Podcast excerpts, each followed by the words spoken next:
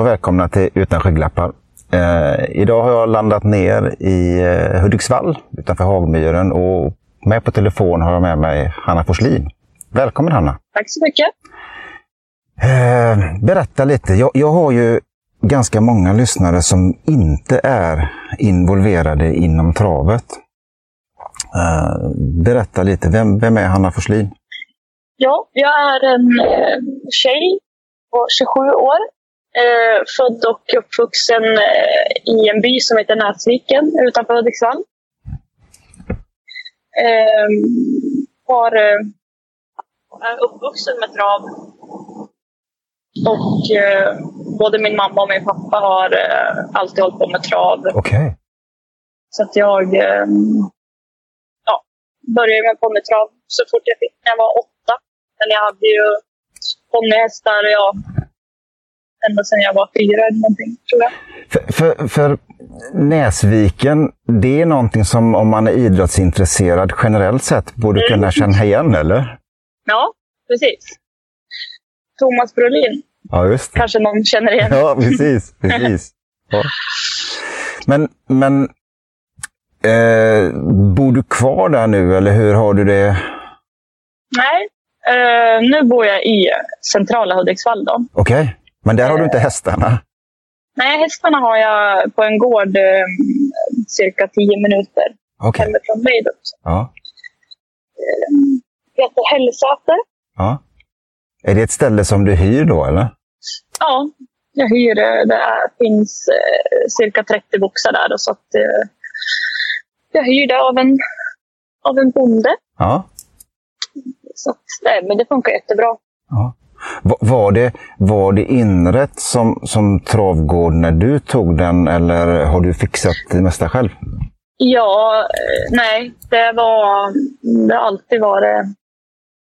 Eh, ja, men eh, inte bara travstall, liksom, men alltså det är ju inrätt som ett travstall kan man väl säga. Och Ja. sen, eh, så där jag hade mina hästar tidigare hos min mamma, det är bara 600 meter därifrån. Liksom. Så att jag har ju samma tränings, träningsvägar som jag hade innan jag flyttade hit i november. Då. Okej. Okej. Men är det, är, det, är det mycket vägar och sånt eller har du bana? Ja. Och, det är mycket vägar? Nej, det är väl eh, vägar liksom. Men eh, faktiskt så är det en rakbana på gång. Okej. Ska börja bygga den. Ja, inom en snar framtid i alla fall. Ja. Hur många hästar har du idag? Eh, 11. Ja. Och, och hur ligger de i eh, åldersspann om man säger? Mycket unghästar, äldre? Nej, jag skulle säga att det är ganska blandat. Jag har eh, fyra tvååringar, eh, en treåring och sen är de resten äldre. Då. Ja. Så det är ganska blandat. Någon som du känner riktigt bra potential i? Eh, av unghästarna eller Ja, ja. bland allihopa? Ja, eller ja, kanske framförallt unghästarna som inte vi har sett än så länge. ja, precis. Eh, nej, men alltså jag har eh, tre kallblods tvååringar. Då. Ja. Och jag tycker faktiskt att eh, alla tre har visat bra potential. Eh, men eh, hon som jag tycker för dagen är bäst, det är eh, Kvickare, heter hon. Okej. Och det är faktiskt eh, Stallset som äger henne. Jaha. Så att hon har varit hos mig på... Eh, ja, sen hon köptes på auktion då, så kommer hon väl vara hos mig. Jag vet faktiskt inte hur länge hon kommer vara hos mig. Tills Daniel känner att hon vill ha tillbaka henne. Ja, precis. precis. Men, Nej, eh, men det, är en, det är en jättetrevlig häst och har otroligt enkelt för sig. Så att, Ja. ja. det är kul att ha henne i träning. Ja, men det kan jag tänka mig.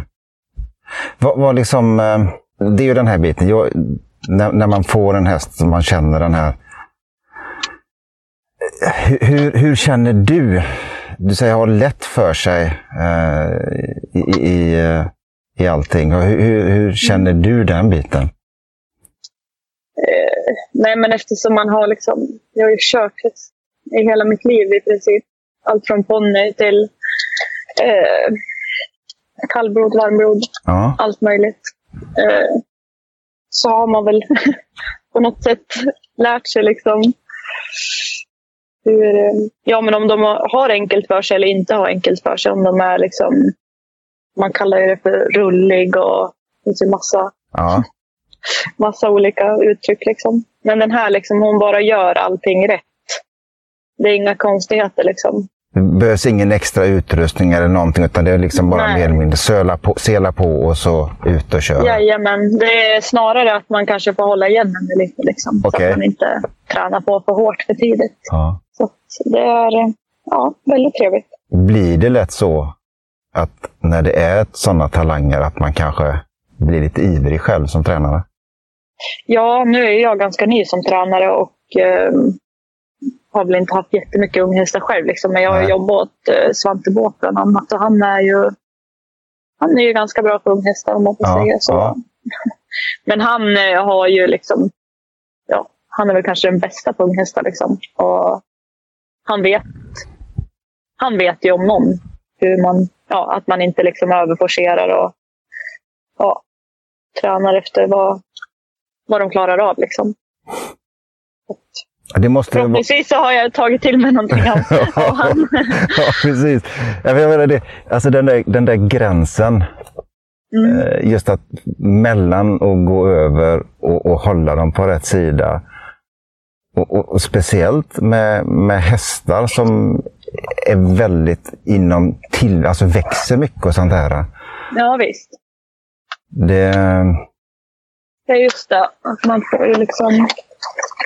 Jag har ju märkt det nu eftersom jag har ja, men fyra stycken. Liksom. Det är ju... Ena dagen kan de ju vara hur fin som helst och kännas hur bra som helst. Och så sen nästa gång man kör så är det ingenting som fungerar. Liksom. nej, Men man får ju ha i åtanke att de, de är ju bara bebisar än, liksom. ja. och växer och utvecklas och så. Ja, gäller, gäller att liksom lyssna in de där signalerna om det bara var någonting temporärt eller om det liksom verkligen kommer in i, i Ja, men precis. Ja, Ja. Vad har du, alltså, har du, vad har du om man säger som den här biten, har du satt någon nivå, någon gräns eller hur gör du egentligen? Har liksom, när du tränar, har du liksom att jag ska nå den här biten i vare sig omsättning eller antal, antal hästar eller kör du, kör du på känn? alltså hur högt antal hästar jag vill ha och så. Ja, precis. Ja, alltså min tanke är ju 25-30 hästar liksom, när jag har nått mitt drömmål eller vad man ska Ja, säga. ja. Jag räknar ju inte med att ha det nu på en gång. Liksom, utan successivt bygga, bygga upp det så. Då, liksom. Ja. Eftersom jag, ehm, jag vill ju också tävla. Liksom, köra. Jag kör ju mycket åt andra också. Inte bara mina egna. Och då tycker jag liksom att ja, men jag kanske kan ha två anställda eller ja, kanske tre. Ehm, och så att jag har lite tid till att åka iväg och köra. Jag kan ju inte göra det hur mycket som helst. Men, men ehm, ja, jag vill ändå inte liksom lägga ner den biten utan jag vill kunna kombinera det. Ja. Är, är, är det kombinationen som är den största tjusningen för dig? Ja, det tycker jag faktiskt. Största utmaningen också skulle jag nog säga, i alla fall i dagsläget. Det är liksom... Ja, det är inte lätt att få ihop allt alla dagar. Nej, men det, det, det kan jag definitivt tänka mig med, med ett gäng hästar som ska tränas och, och samtidigt kanske Ja. lopp och köra långt bort. Mm. Eh, det, Ja, men liksom om...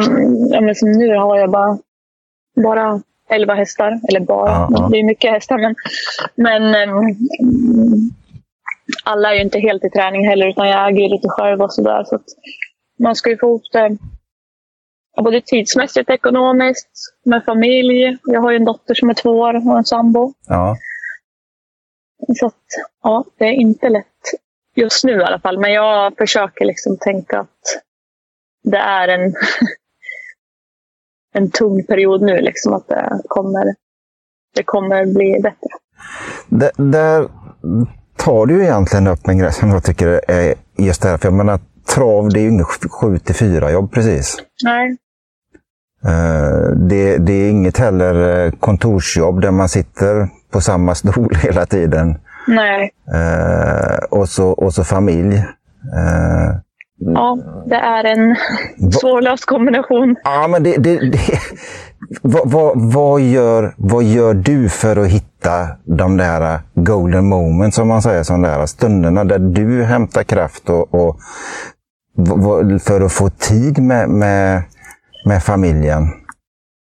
Ja, eh, jag, vet, jag vet inte hur jag ska förklara. Men liksom, det är ju, det är ju sällan man får så himla mycket tid över. Liksom.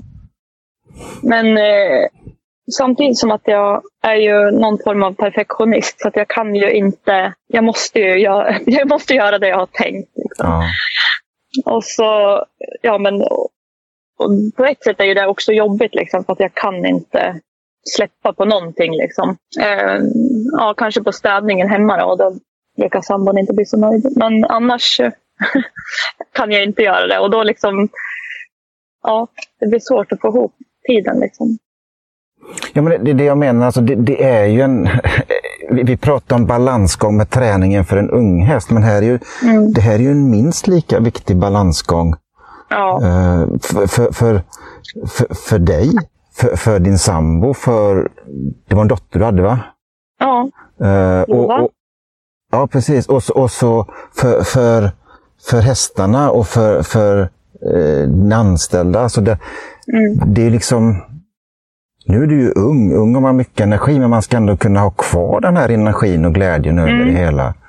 Uh, precis. Och, och, uh, och jag, som, jag skulle precis, min, min tanke var när du nämnde det här med perfektionist, att det är klart, det, det gör ju kanske inte det hela enklare många gånger heller. Nej, jag skulle säga tvärtom faktiskt. Ja. Det är ju bra. Det är bra på ja. många sätt. Liksom. Uh, men också jobbigt. Ja perfektionist och prestationsångest lider man ju också av. Uh, så att, ja. Ja, det, det är... Klurigt. Ja, men det, det, blir ju det speciellt. Alltså, när, alltså, med, i, återigen, alltså, mycket av det som, som vi gör i travet, det är ju helger och kvällar och, och allting. Och samtidigt ja. som man då, du ska träna hästarna på dagen. Mm. Och, och sen lopp. Och, alltså det, Ja. Ja, jag har ju haft en riktig, riktig sån där period nu. Alltså, det har varit jättemycket trav. Ja. Ja, men alltså, ja, det spelar ingen roll att jag ska åka iväg på kvällen. Jag måste ju vara i stallet halv sex ändå. Liksom. Ja. Nu har det underlättat det ju rejält att eh, Ann-Sofie, som hon heter, har eh, börjat jobba åt mig. Hon har inte börjat jobba fullt än, men eh, mycket i alla fall. Ja. Och det hjälper ju mig jättemycket. Jag kan ju ta någon dag i veckan kan jag ju se till så att jag kan vara hemma och, på morgonen och lämna Lova på dagis åtminstone en dag i veckan. Liksom. Ja. De kvällarna jag inte ska på trav, liksom, att jag kan vara klar och hämta henne fyra på dagis. Men det har ju nästan varit i princip omöjligt innan hon hon, och så sen har jag min pappa som eh, hjälper till och kör och skor hästarna och sådär. Ja. Men ett tag då var jag själv. Jag tror att jag hade ja, åtta hästar i alla fall. Åh fy fasen. Ja, då är det... det är ju en skräckblandad förtjusning med, med ja, nej, jag, har, jag har faktiskt mycket ångest. Liksom. Mest för att jag inte hinner vara med Lova så mycket som jag skulle vilja. Liksom. Ja. Men ja, jag försöker ju tänka att det kommer bli, det kommer bli bättre snart. Man måste ligga i lite nu. Liksom. Jag har inget val. Jag, jag vill bli tränare och jag är tränare och jag vill köra lopp och jag vill ha tid med min familj. Mm. Så sen är det bara att försöka få ihop det på bästa sätt. Liksom. Ja, det, det, det är klart. Alltså, jag kan ju... Det här är också en, en tveegga grej. Alltså, jag, kan, jag kan ju trösta dig med att, att tiden går väldigt fort och väldigt snart så kommer hon kunna vara med mycket mer kanske Ja. Eh, i, jo, men det har, ändå, det har ändå redan blivit mycket bättre. Hon är ju två år nu liksom, ja. och hon kan ju följa med mig. Liksom. Eh, problemet är att hon är ganska orädd. Liksom, så det är svårt att få någonting gjort för att hon liksom vill ju hon vill gärna springa runt där själv och klappa och borsta och ja, precis. greja. Stå och borsta magen och sådana där grejer. Ja, precis. Jag brukar Malkin få en borsta liksom, för att han... Jag litar i alla fall till 99 procent på honom. Ja, fy. Det, det, det, jag är jättetacksam att du berättar den här delen, för att det är ju en jädra balansgång alltså, och en, en, mm. en tuff grej att gå igenom. Man behöver nog ha just den hjärninställningen som, som du har i det läget. Eh, Ja, alltså man har ju funderat många gånger. Jag har tagit många promenader med hunden Ivar och funderat vad jag håller på med. Men eh, Nej, men alltså jag kan ju bli lite ledsen ibland då, Ja, när jag har mycket ångest och sådär. Men eh, ja, i slutet på promenaden så brukar vi ändå vara överens, både jag och Ivar, att det är bara att bita i. Ivar är en bra samtalsterapeut då. Ja, han bara följer med Precis. och hoppar upp i knä när det behövs. Liksom. Ja. Jag har faktiskt tre bra samtalsterapeuter och de är jätteviktiga i mitt liv, och bland annat Ivar. Men eh, Stig Wiklund och eh, eh, ja, Stig Wiklund har jag haft kontakt med nu. Ja, det är väl ett år, år nu snart. Ja. Sen, eh, och så, så Hasse Backe har jag eh, genom ATG Talang. Då. ja, just det. Så det är två personer som jag ja, veckovis, ibland mer än en dag i veckan, har samtal och bollar med. Och, ja, det är viktigt att ha... Ja, de ser det liksom från ett annat perspektiv, liksom, så man kan ju få bra tips. Och, Ja, men det, det, blir, det, det blir ju det. Alltså, Stig som en, en professionell mental coach och, och Hasse Mm. Backe som har varit med och jobbat inom föreningslivet i alla nivåer. Som en, som en, en mentor. Eh, Det, det är klart att, att de har inte det känslomässiga engagemanget som du har. nej, Eh, och, och kan ju, kan ju liksom säga, stötta och ge de där eh, tipsen som, som man själv inte egentligen kan få fram när man sitter mitt i alltihopa. nej, men precis. Nej, på, så, på det viset är jag bortskämd skulle jag vilja säga. Är, inte, det är inte självklart att man har så bra hjälp. Liksom. Nej. Men jag tror att det hade varit svårt utan. Faktiskt. Så, så ehm, din uppmaning till personer som är i samma situation, det är skaffa en mentor, en coach. Ja, det skulle jag nog säga är väldigt viktigt. Ja. Kanske svårt att få just Stig för att han, han är fullbokad. Men, men, eh, nej, men alltså man behöver ju liksom bara någon... eh, Vi, vi, vi, säger, vi säger som i public service, men det finns många andra bra coacher. Ja, precis. Så säger vi. Ja, men det är ju så. Ja. Man passar ju Men- olika med olika. Så att, eh, Ja, men precis. Men det kan ju vara... Alltså jag skulle väl säga ett tips är väl kanske inte att ta någon familjemedlem, även om man kanske Nej. inte har någon professionell. Men kanske någon lite mer utifrån som kan se det på, ja, från andra vinklar, ja. skulle jag säga är bra. ja, någon utan, utan eh, det personliga känslomässiga Mm. engagemanget. Eh, Precis. och det, Som Stig brukar säga till mig. Hanna, jag förstår vad du säger och jag håller med, men... men jag är här för att hjälpa dig, så brukar jag säga. Ja, och så får jag, Ja. får jag lite tips och utmaningar. Ja, men det, det finns ju... Där ska man, uppmanar jag då i det läget för de som lyssnar och är intresserade av det här. Så att det finns ju mentorskapsprogram och massa, massa möjliga personer som vill ställa upp och sånt. Så där kan man ju söka och googla så hittar man säkert. Ja, Det här ATG Talang. Eh, vad, vad betyder det projektet för dig? Eh, nej, men alltså det blev så himla bra faktiskt. Att, eh, att jag kom med där Ja, i precis eh, den tiden. Liksom. I höstas var det ju. ja. Ja. ja, jag kunde inte tänka mig en bättre timing faktiskt. Hade jag haft en ganska tråkig sommar och tufft på många sätt och vis. Ehm, och precis liksom när jag kom med i ATG Talang så började ju liksom, ja, jag började få lite resultat på, på mina styrningar och ja, så att det vart ju en väldigt, jag fick en bra skjuts liksom. Kom, kom, det här blir jag nyfiken. Kom resultaten innan du kom med i Talang eller kom resultaten efter? Nej, men eh, faktiskt eh, lite innan. Sen eh, så var det bara att rida på vågen, för sen gick det ju ganska bra länge. Liksom. Ja. Och jag ska inte klaga, det går ganska bra fortfarande, men man är ju... Även om man vinner ett lopp och så förlorar man ett så åker man ändå hem och så funderar man på det där man förlorar. Liksom. Det är ju Ja, men så, så, så är det faktiskt. Jag försöker- arv. Ja, precis. Men jag försöker ändå liksom försöka njuta av när det går bra. Ja. Även om jag inte vinner. Men man kan vara två och tre och man kan vara jätteglad. Liksom. För jag tänker lite på det här, alltså den mentala delen. Eh, Mm. Att liksom ha haft en tung period. Och jag tror att vi har Malkin inblandad i den perioden. Ja, Eh, han är och- Och, mycket inblandad. som vi kan prata lite om sen. Men just det här med att, Mm. att den bra perioden kanske började när den mentala delen hade släppt eh, lite med Mm. det vill säga, eh, ja, du kanske liksom hade släppt det här pressen och, och komma med i var kanske liksom inte, jag vet inte om man ska säga det egentligen, men, men just att, att axlarna hade sjunkit ner lite och nu har jag ansökt, nu är jag med liksom den biten och nu kör vi. Eh, och därigenom kom resultaten och så kom man då med och så kom nästa våg. Mm.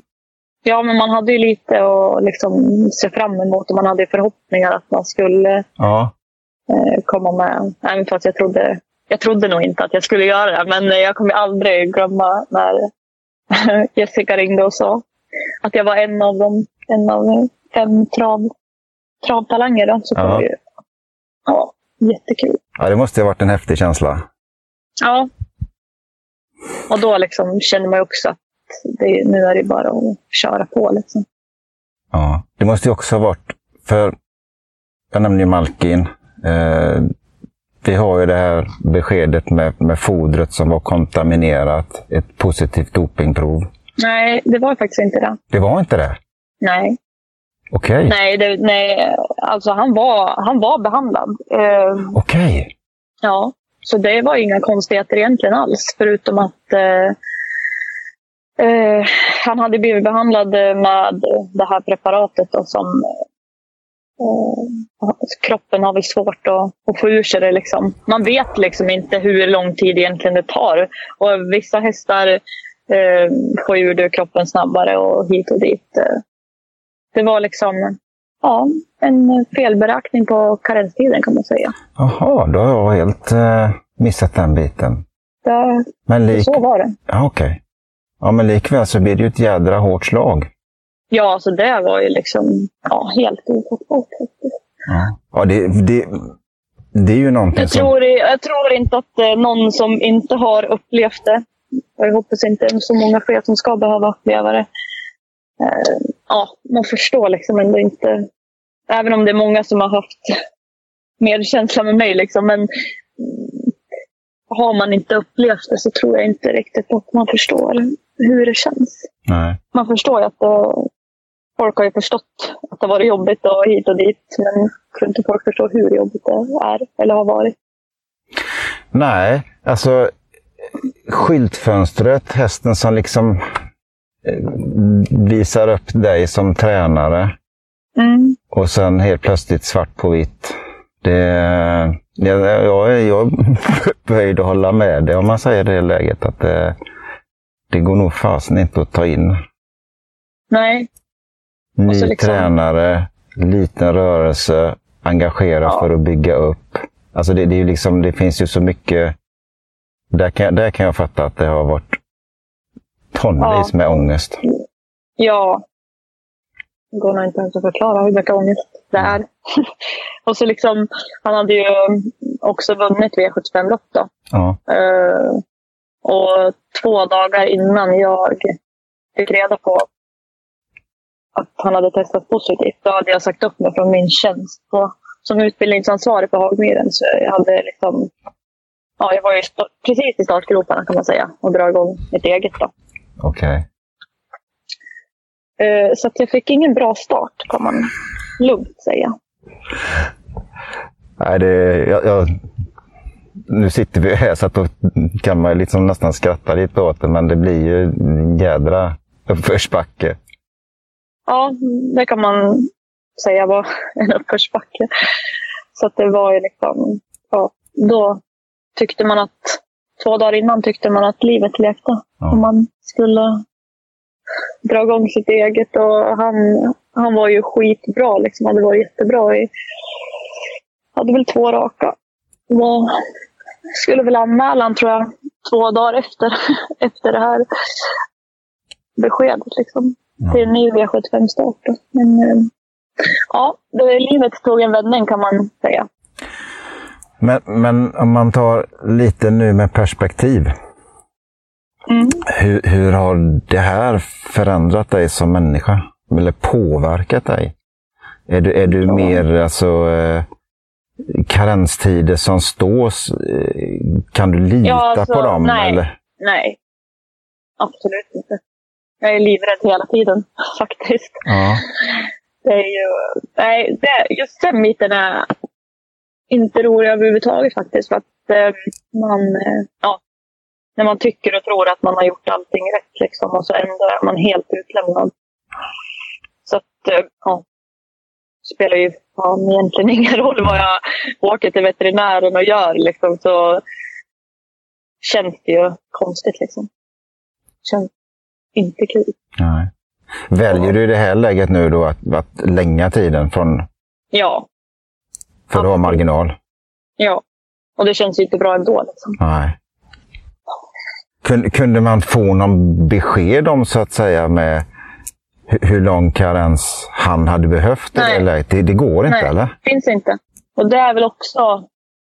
Ja, det är ju ett konstigt regelverk liksom, egentligen. Det borde, antingen så borde det finnas precis på dagen. Eller så får man helt enkelt bara förbjuda preparatet. Liksom. Ja. Men det kommer ju aldrig mer användas på mina hästar i alla fall. Det är en sak som är säker.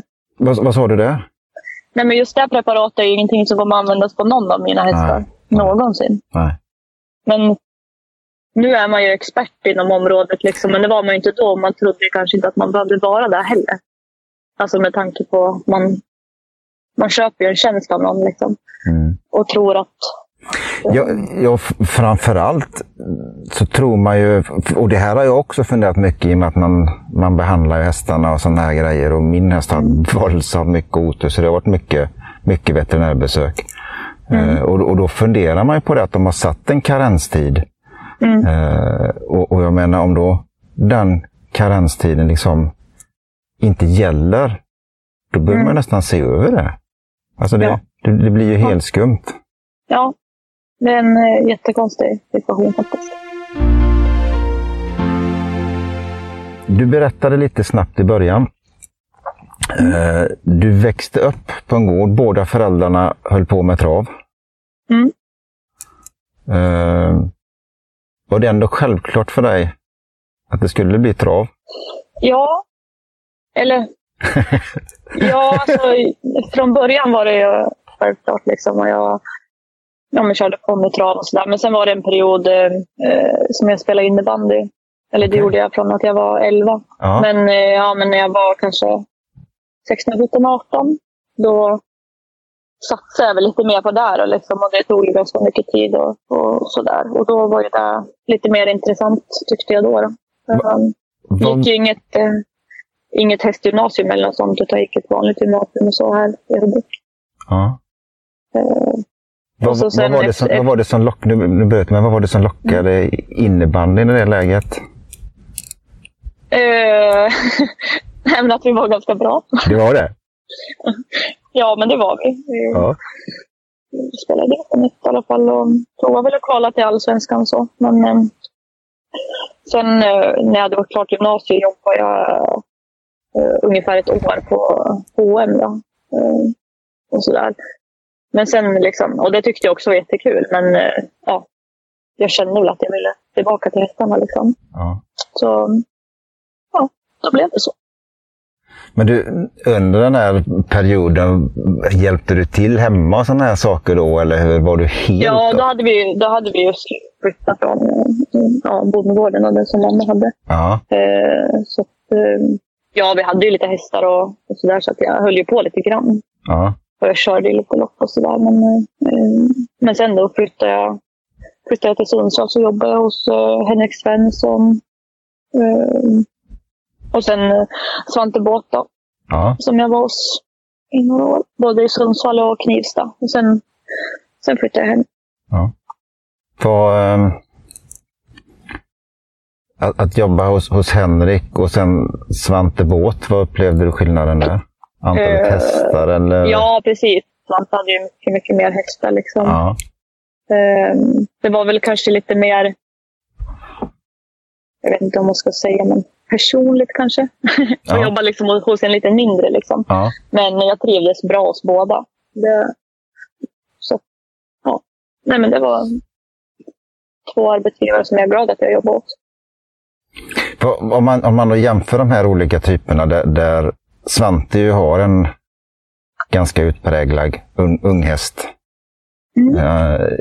Är ju bra på att få fram unghäststjärnor i det läget. Liksom vad, Mm. vad tog du med dig från de olika? Ehm, ja, men alltså man har väl snappat upp liksom, det jag tyckte var bra hos Henrik. Och det är klart att båda, båda är ju bra på, på många saker. Liksom. Och sen Ja. så har jag liksom tagit det jag tyckte var bra och sen har man ju egna idéer också. Liksom. Och så, ja, försöker man få gå efter den idén. Liksom. Ja. Vad, är, vad är det för Men specifikt? Svantes, eh, Svantes bästa, liksom, alltså det som var så bra att jobba åt han var ju att han... Är man en ordningsmänniska, liksom, vilket jag är, eh, då är det extremt eh, skönt att jobba åt han. Han, har ju liksom, han är grym på listor, han eh, har liksom stenkoll på allting. Och det är tider och liksom, ja, väldigt uppstyrt och, och bra ordning. Liksom. Ja. Ja, men det, det är klart, har man ett, ett stort stall så måste du ha ganska fasta Ja. rutiner kan jag tänka mig. Det, Ja. det går inte att köra på de kanske lite mer familjära bitarna som när man har ett, ett mindre, utan det måste vara... Nej, men precis. Vilk, vad, vad, vad skulle du säga då är den specifika Hanna-stämpeln, alltså din idé i träningen? Ehm, nej, men eh, att, det är därför jag inte vill ha så där stort. Liksom. Nej. Så stort som Svante har. Liksom. Nej. Utan jag vill kunna mm, lite mer individualiserat. Liksom. Sen är det ju, de ska ändå ha sina träningspass och hit och dit. Men att man kanske har lite tid till att, som jag tycker om att ridträna dem lite grann. Ja, Har eh, mm, ja, men lite olika sandbackar och sånt där som man bara klättrar och eh, ja, men bygger lite styrka i dem. Liksom. mm. Och vissa hästar kan bara behöva ut och skritta, ta det lite lugnt. Så att man liksom ser vad, vad själva individen behöver. Liksom. Mm. Det tycker jag är intressant. Men är det... Det blir egentligen kanske också lite... Det är den möjligheten man har, dels som egen och kanske mindre tränare. Sam, samtidigt så är det ju en fördel för hästarna att gå i lag med ett gäng. Mm, Eh, precis. Så det är ju alltså, som Svante, liksom, man kunde köra så många ihop. Liksom, det är Ja. ju eh, klart fördel för hästarna. De är ju, blir ju van. Eh, Det blir ju lite mer tävlings... normal, normala tävlingsrutiner över det hela. Mm, Ja, men precis. Så det är ju positivt för ja, den som har så där mycket hästar och personal och så. Ja. Nu är vi i alla fall minst tre stycken som kör ihop, så det är ju bra på det viset. Liksom.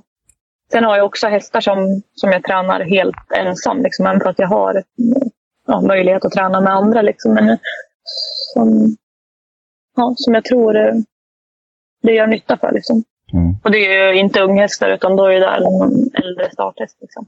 ja, just det. Så Malkin har jag tränat, han har jag tränat själv i ja, tre år. Det är nu på slutet som, som jag tycker liksom att han har slappnat av och, och kan trivas med att träna med andra hästar. Liksom. Att han inte stressar upp sig och tycker att det är jobbigt. Är det Ivar som säger till? Nu blev Ivar arg på en fågel här ute. Ja, precis. Då måste man... Ivar. Sluta Ivar. Den gör ingenting. Han har lite problem med fåglar och katter faktiskt. Okej, Det är inte Ivars. de, är, för- de är farliga. Ja, Ja, ja, då måste man ju säga till. Ja då hör han av sig direkt faktiskt.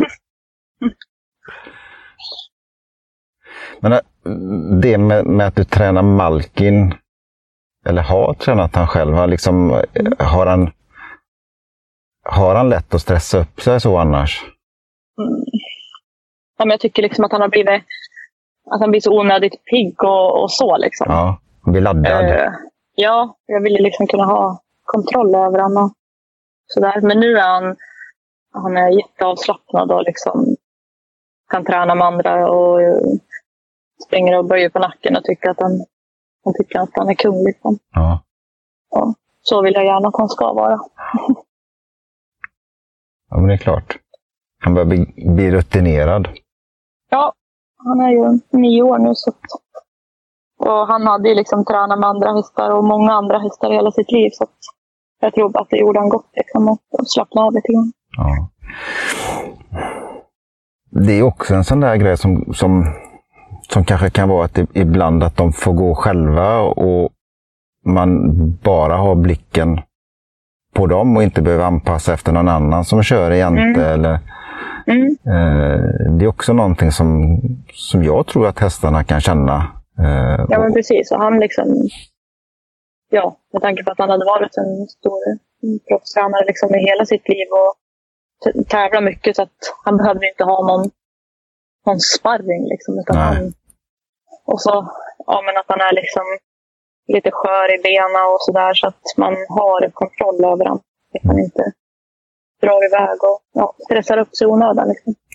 Nej, precis. Då är vi inne på den här individuella träningen anpassad efter... Mm. Ja. Du pratade lite om det här med målet 25-30 eh, hästar. Ja. Eh, finns, det, finns det liksom någonting i, i dig som är att, att du skulle vilja kanske flytta ner närmare eh, typ Stockholm, komma närmare de banorna där nere? Eller är, liksom, är du fast rotad i och runt Hudiksvall? Vi är ju ganska hemmakär faktiskt. Du är det? Uh, ja. Uh, men sen tycker jag att Hudiksvall ligger ju bra på kartan. Alltså. Vi har ju många banor här omkring. Ja. Nej, eller alltså, vi har nära till många banor. Liksom. Ja. Så i dagsläget har jag inte funderat på att dra söderut faktiskt. Nej. Nej, det är, min, det... sambo, min sambo har ju nämnt det någon gång liksom, för kanske träningsmöjligheternas skull. Liksom. Men eh, nej, jag ser alldeles för mycket fördelar med att bo här hemma. När man har, ja men Lova har ju sin mormor för hela våran släkt. Ja farmor, farfar, faster, allt möjligt. Nej, så det tror jag bara skulle bli struligt faktiskt. Ja, men det, det, är klart, alltså för, om, om vi återkopplar till, till, din perfektionism och den biten, så det är klart att när du har det trygghetsnätet runt omkring dig, mm. Eh, med allihopa. Du, du, har, du, du kan området. Du, du vet liksom att du har massor med banor som är, ligger, ligger nära runt omkring. Eh, ja. Så, så, så är det nog eh, incitament för stress om man skulle flytta. För, ja, men precis. För liksom, utan det, det kan nog vara bra att ha den där tryggheten. Ja, jag tror också det. Mm. Vad har du, om man tittar på... Har du, har du, känner du liksom, är du, är du ett stall i form just nu? Mm, ja, det tror jag. Ja. Jag har inte liksom eh, tagit ut så många än som ska starta, men eh, liksom inom, inom två månader så tror jag det är ganska många som är igång faktiskt. Ja. Och det känns ju spännande. Ja. Det känns som att du ligger i fas med det du skulle vilja vara. Ja, det tycker jag. Sen vill man ju gärna ha, man vill väl alltid ha in fler i träning liksom. Men eh, jag liksom, ja, tycker ändå att, jag, att det ökar på i en bra takt. Ja. Ja för det, kan ju vara, det kan ju vara risken att det går för fort också, om man säger. Och, mm, och även om man då har många hästar i träning Eh, och kanske där, men det kan ju också bli att, att de hästarna man har, man hinner liksom inte landa ner i, i hur de ska funka. Nej, men precis. Vara. Men nu har det liksom, ja men det har kommit in någon liksom då och då och då hinner man ju, ja, nej men jag tycker det, det rullar på bra. Ja. ja, men det är spännande. Jag tycker det, det var fantastiskt kul att få prata med dig, Anna. Eh. Få höra din historia och, och eh, få liksom, hoppas ju självklart att det kommer att fortsätta och rulla på bra för dig i den takten som, som du känner att du vill och, och mäktar med. Ja, Så, jo men det tror jag. Det kommer nog bli bra. ja. Så önskar jag dig all lycka med både körning och träning. Ja, men tusen tack. Tack själv för att du ville vara med. Ja, det var jättekul. Tack så mycket.